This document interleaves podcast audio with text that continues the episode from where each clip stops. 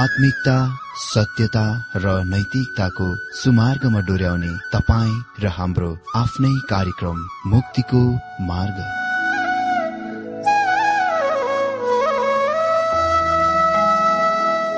आदरणीय श्रोता यस मुक्तिको मार्ग कार्यक्रममा हार्दिक स्वागत छ आशा छ यस आत्मिक कार्यक्रमद्वारा जीवनमा आत्मिक आशिष अलौकिक शान्ति र आनन्द प्राप्त गर्नुहुनेछ।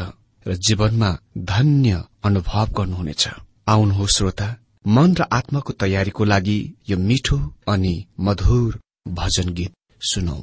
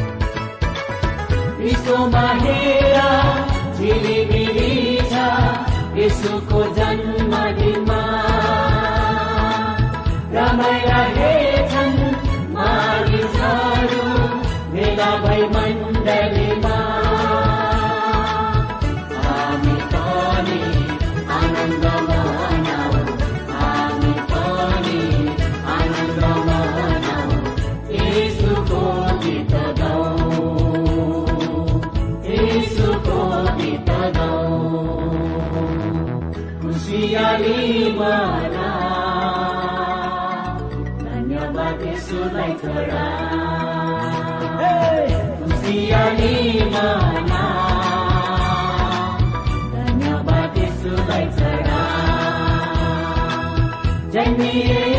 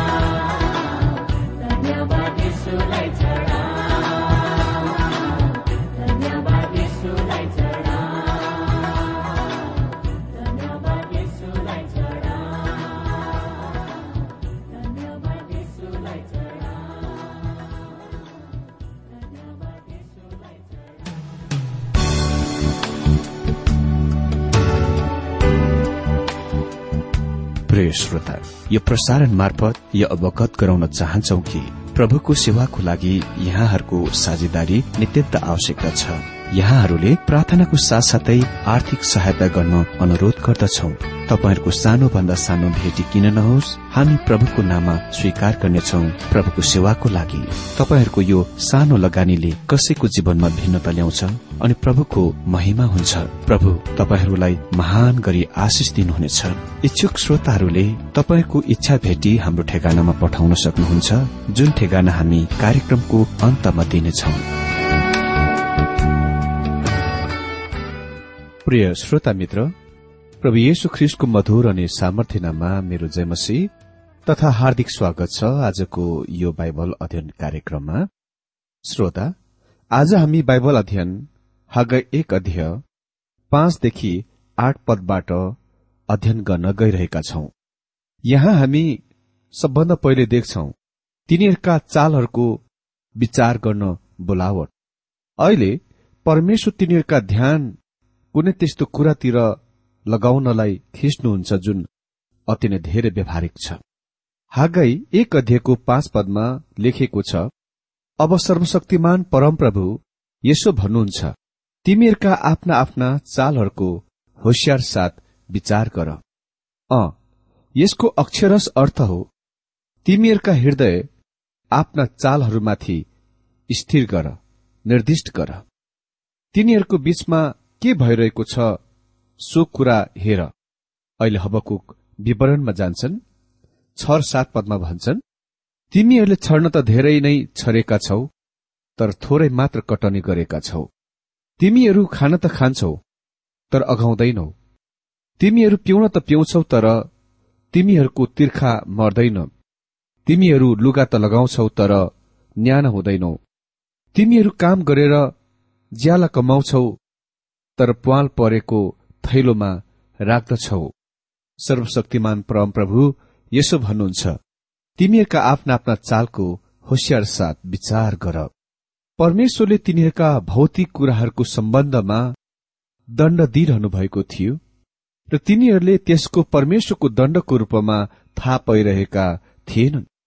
हामी हिब्रूको पुस्तकमा देख्छौ कि हिब्रू बाह्र अध्ययको सात पदमा अनुशासनको निम्ति नै तिमीहरू सहन्छौ परमेश्वरले तिनीहरूसँग छोरा छोरीहरूलाई झैं व्यवहार गर्नुहुन्छ किनभने बाबुले अनुशासन नगरेको कुन चाहिँ छोरा हुन्छ र? जब परमेश्वरले हामीलाई अनुशासन गर्नुहुन्छ त्यहाँ यसको लागि कारण छ। परमेश्वरको सन्तानले आफ्नो चालहरूको विचार गर्न आवश्यक छ। उसले आफ्नै हृदय यस कुरा देख्नलाई जाँच गर्न आवश्यक छ कि किन परमेश्वरले उसलाई मिलमा पिदिरहनु भएको छ त? किन उसलाई कष्ट दुःख र कठिनाईको आदि तुफान मुनि भएर जान अनुमति दिइरहनु भएको छ त? इसरायलको सन्तानहरूको लागि त्यहाँ अन्न बाली सप्रिएको थिएन र त्यहाँ अनिकाल भएको थियो।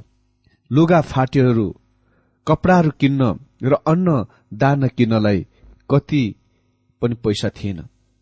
त्यहाँ पैसाको कमी थियो र तिनीहरूसँग बचत खाता वा बचत रुपियाँ पैसा थिएन।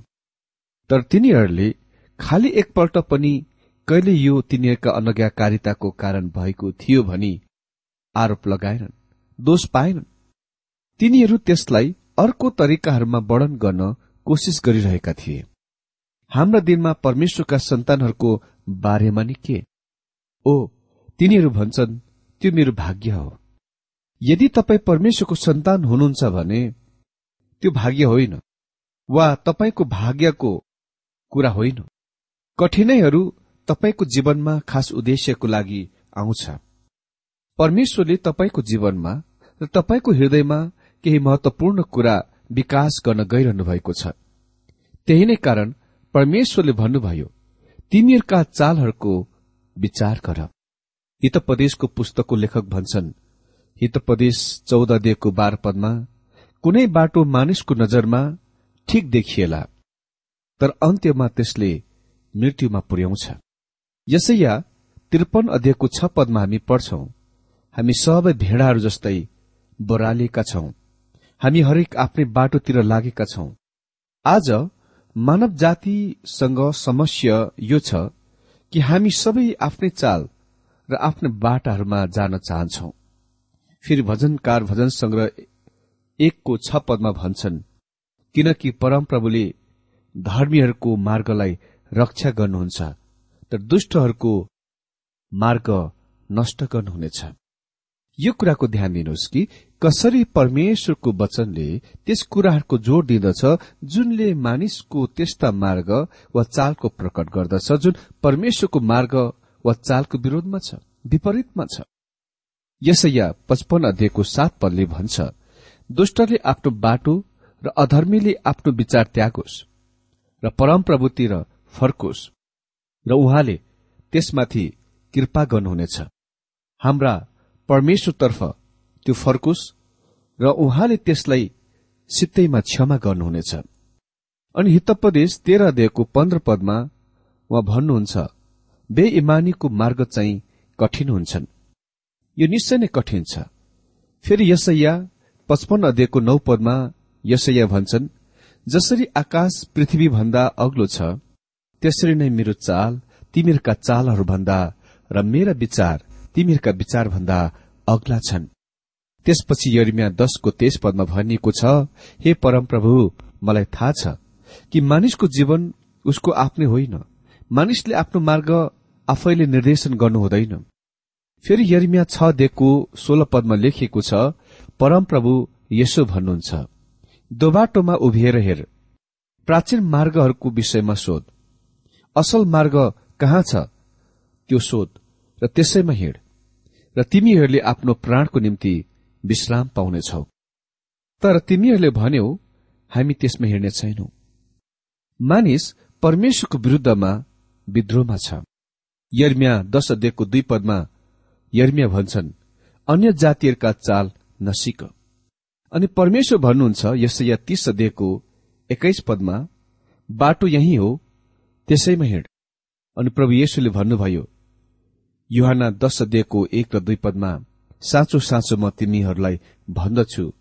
जो भेडाको गोठभित्र ढोकाबाट पस्दैन तर अर्कोतिरबाट माथि चढ्छ। त्यही नै चोर र डाकु हो। तर जो ढोकाबाट भित्र पस्दछ ऊ चाहिँ भेडाको गोठाला हो। युहान निरन्तर आफ्नो भनाइलाई जारी राख्छन्। युहान दश अध्ययको नौ पदमा ढोका मनै हो। कोही मबाट भित्र पस्यो भने उसले मुक्ति पाउनेछ अनि भित्र र बाहिर जानेछ अनि खर्क पाउनेछ। ओ यो कति महान कुरा छ। यो नै कुरा परमेश्वर आफ्ना जनहरू आफ्ना मानिसहरूलाई भनिरहनु भएको छ। वा तिनीहरूले आफ्ना चालहरू वा बाटोहरूको विचार गरेको चाहनुहुन्छ। वा सोध्नुहुन्छ तिमीहरूलाई के भइरहेको छ? त्यो कुरा तिमीहरू देख्दैनौ। अहिले म तपाईँलाई यो प्रश्न सोध्न चाहन्छु। तपाईँ कुन चाल वा मार्गमा हुनुहुन्छ? कुन मार्ग तपाईँ आज हिँडिरहनु भएको छ? त्यो बाटोले तपाईँलाई कहाँ डोराइरहेको छ? के तपाईँले कहिले यो कुरा विचार गर्नुभएको छ कि दुर्व्यसनले र मद्यपानले तपाईँलाई कहाँ डोर्याउन गइरहेको छ? तपाईँले शुरू गर्ने ठाउँमा यो फराकिलो बाटो हो र तपाईँ आफ्नो इच्छाले चाहे अनुसार जे पनि गर्न सक्नुहुन्छ। तर त्यो फराकिलो बाटो चाहिँ सोली जस्तै हो। त्यो जति अगाडि बढ्यो त्यति त्यति साँगुरो हुँदै जान्छ र अन्तिममा त्यहाँ सानो मुखसम्म जान्छ जुनले विनाशतिर डोर्याउँछ। तर परमेश्वर भन्नुहुन्छ जीवनतिर डोर्याउने बाटो चाहिँ साँगुरो हुन्छ। ख्रिस्ट बाटो हुनुहुन्छ। पिता कहाँ जाने वा पुर्याउने बाटो खाली उहाँ मात्र हुनुहुन्छ। जब तपाईँ त्यो साँगुरो बाटोमा प्रवेश गर्नुहुन्छ जति अगाडि बढ्नुहुन्छ त्यो झन फराकिलो फराकिलो हुँदै जान्छ र त्यहाँ खर्क पाउनुहुन्छ। जहाँ तपाईँ भित्र बाहिर गर्न सक्नुहुन्छ। तपाईँले जीवन र त्यो प्रशस्तको जीवन पाउनुहुनेछ। तपाईँले जीवन र त्यो प्रशस्तको जीवन पाउनुहुनेछ। मेरो मित्र यो तपाईँका चालहरू वा मार्गहरूको विचार गर्ने समय हो। तपाईँका हृदयहरू आफ्ना चालहरू वा मार्गहरूतिर निर्दिष्ट गर्नुहोस्। आज तपाईँ कहाँतिर लागिरहनु भएको छ? तपाईँको विवाहले काम गरिरहेको छ? यदि तपाईँ जवान व्यक्ति हुनुहुन्छ भने तपाईँको जीवनमा तपाईँसँग लक्ष्य छ? यदि तपाईँ जवान केटी हुनुहुन्छ भने तपाईँले मन पराएको केटा वा प्रेम गरिरहेको केटाको बारेमा नि के यदि तपाईँ जवान केटा हुनुहुन्छ भने तपाईँले मन पराएको केटी वा प्रेमिकाको बारेमा नि के उसले तपाईँलाई कहाँ डोराइरहेको छ? तपाईँलाई के हुन गइरहेको छ? किन तपाईँ आफ्ना चालहरूको विचार गर्नुहुन्न? मित्र अहिले भर्खरै हामीले देख्यौं तिनीहरूका चालहरूको विचार गर्न बोलाउन्। त्यसपछि हामी देख्नेछौ मन्दिर भवन निर्माण गर्न लाग्य। अहिले परमेश्वर तिनीहरूका समस्याको समाधान तिनीहरूलाई दिइरहनु भएको छ। परमेश्वरले तिनीहरूलाई मन्दिर निर्माण गर्नलाई आज्ञा दिनुहुन्छ र उहाँ तिनीहरूलाई तीन कुराहरू भन्नुहुन्छ जुन तिनीहरूले गर्नुपर्नेछ। देख्नुभयो इसरायलका सन्तानहरू लाभ हितहरूको लडाई विरोधमा थियो। तिनीहरूले परमेश्वरको भवन निर्माण गर्नुको सट्टामा आफ्नै घरहरू बनाइरहेका थिए। तिनीहरूले परमेश्वरको कार्यक्रमको अघिल्तिर र आफ्नै स्वार्थी उद्देश्यहरूको लागि काम गरिरहेका थिए अनि त्यसमा तिनीहरू व्यस्त थिए। मतलब तिनीहरूले परमेश्वरको कार्यक्रमलाई छोडेर आफ्नै स्वार्थी उद्देश्यको पछि मन लगाइरहेका थिए।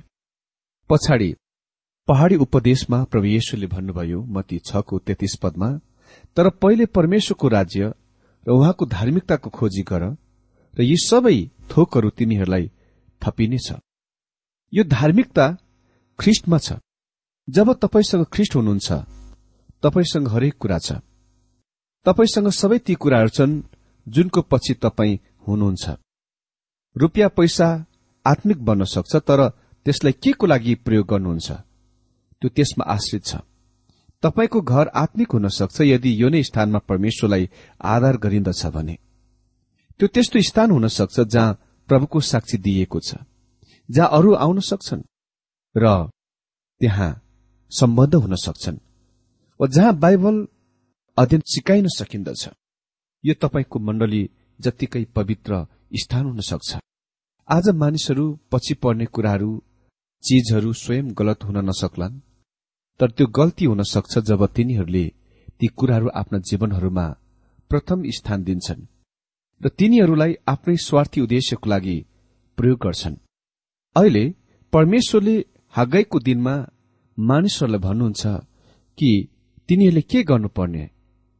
हागै एक अध्ययको आठ पदमा भनिएको छ डाँडा डाँडा उक्लेर काठपात ल्याऊ र भवन बनाऊ र म त्यसमा खुसी हुन सकौं र मेरो मान होस् परमप्रभु भन्नुहुन्छ। समाधान अति नै सामान्य छ। त्यहाँ खालि तीन कुराहरू छन् जुन तिनीहरूले गर्नुपर्ने। पहिलो डाँडा डाँडामा उक्लेर जाऊ र दोस्रो काठपात ल्याऊ र तेस्रो भवन बनाऊ। म तपाईँसँग इमान्दार हुँदछु कि म यस कुरामा आश्चर्य हुँदछु कि किन इसरायलका केही केही सन्तानहरूले यसको चाँडै महसुस गरेनन्? जब मानिसहरूले त्यो ठूलो शब्द म म आफ्ना आँखाहरूको सामुने पाउँदछन्। यसले अरू हरेक कुराको अस्पष्ट गर्दछ दुर्बोध गर्दछ। र तिनीहरू ती कुराहरूको निम्ति अन्धा छन् जुनको तिनीहरूले देख्नुपर्ने। त्यो कुरा जुन अति नै साधारण अति नै जटिल समस्या बन्दछ मानिसहरू आज भन्दछन् यदि तिनीहरूले परमेश्वरलाई उहाँको उचित यथोचित स्थानमा यथोचित स्थानमा राख्नु भए उहाँले तिम्रो लागि धेरै महान कुराहरूको ठिकठाक गर्नुहुनेछ वा सुझ्याउनुहुनेछ। तर सर्वप्रथममा तपाईँले त्यो ठूलो शब्द म मलाई चाहिँ त्याग्नु पर्दछ हटाउनु पर्दछ। डाँडा डाँडामा उक्लेर काठपात ल्याऊ यदि तपाईँ इसरायलको मुलुकमा कहिले जानुभएको जानुभएको भए भ्रमण गर्नु भए डाँडा डाँडामा उक्लेर जाने र काठ पात ल्याउने परमेश्वरको आज्ञाहरूको बारेमा छक्कै पर्नुहुने थियो। किनभने त्यो मुलुक एकदमै रुखरहित नाङ्गो उदाङ्गो अवस्थामा छ। थुप्रै वर्षदेखि इसरायलले रुख बिरुवा रोप्ने लगाउने योजनाको काम गरिरहेका छन्। यद्यपि तिनीहरूले लाखौं रुखहरू रोपे तापनि लगाए तापनि डाँडाहरू अझै नाङ्गो छन् उजाड देखाइ पर्दछन्। अति नै कम रुखहरू मात्र हेर्दा हरियो देखिन्दछन्। एक समयमा त्यो मुलुक हराभरा रुखहरूले भरिएको थियो जस्तो कि यो पदले प्रकट गर्दछ। परमेश्वरले तिनीहरूलाई डाँडा डाँडामा उक्ली गएर काठ पात ल्याउन भन्नुहुने थिएन यदि त्यहाँ काठहरू नभए। तब ती रुखहरूलाई के भयो थियो? हजुर जब शत्रुहरूले इसरायललाई इस्वी सम्मत सत्तरीमा आक्रमण गर्यो रोमी सेनाहरूले केवल शहरहरूलाई मात्र नष्ट गरेनन् तिनीहरूले रुखहरूको मुलुकलाई उजाड पारे नाङ्गो पनि पारे। तिनीहरूले प्रत्येक रुखलाई प्रत्येक बोटहरूलाई काटे ढाले। अहिले यो कुराको फेरि ध्यान दिनुहोस्। तिनीहरूका समस्याको लागि परमेश्वरको साधारण समाधानहरू छन्। पहिलो डाँडा डाँडामा उक्लेर जाऊ। दोस्रो काठ पात ल्याऊ। र तेस्रो भवन बनाऊ। मित्र डाँडामा उक्ली गएर रुख काटेर काठहरू एकट्ठा गर्न ठूलो कामको र परिश्रमको माग गर्दछ।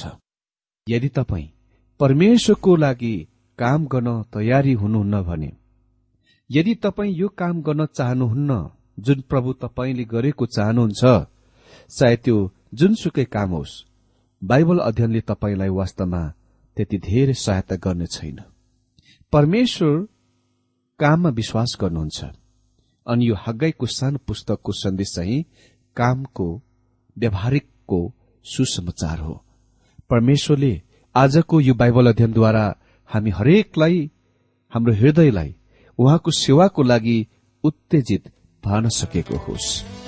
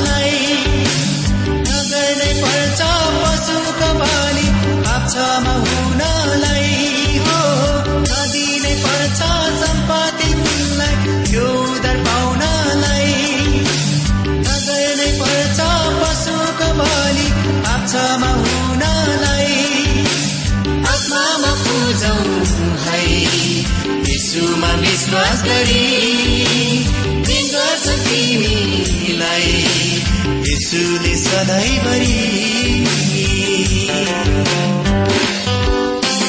बोलाउनु हुँदैछ यसुले तिमीलाई पाप क्षमा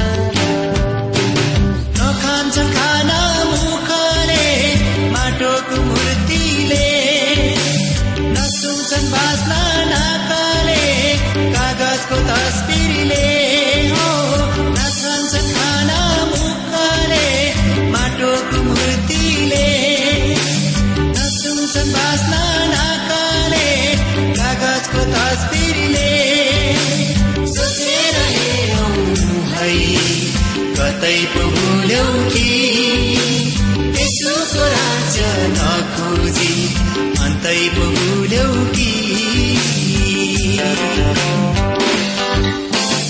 बोलाउनु हुँदैछ यसुले तिमीलाई पाप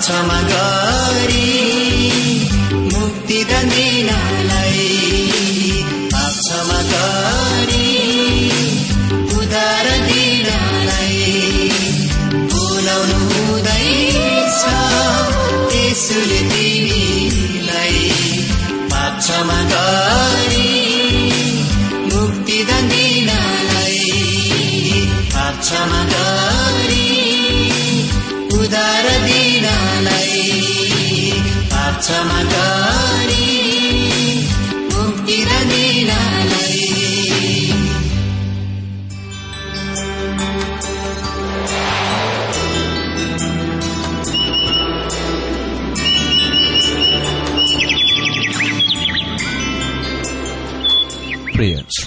अहिले भर्खरै तपाईँले टीडब्ल्यूआर नेपालद्वारा सञ्चालित आत्मिक कार्यक्रम मुक्तिको मार्ग सुनिरहनु भएको थियो। श्रोता आजको यो कार्यक्रम सुनेर तपाईँलाई कस्तो लाग्यो? यदि यो कार्यक्रम सुनेर मनमा कुनै खुल्दुली वा कुनै प्रतिक्रिया अर्थात सुझावहरू छन् भने हामीलाई पत्रद्वारा लेख्न सक्नुहुनेछ।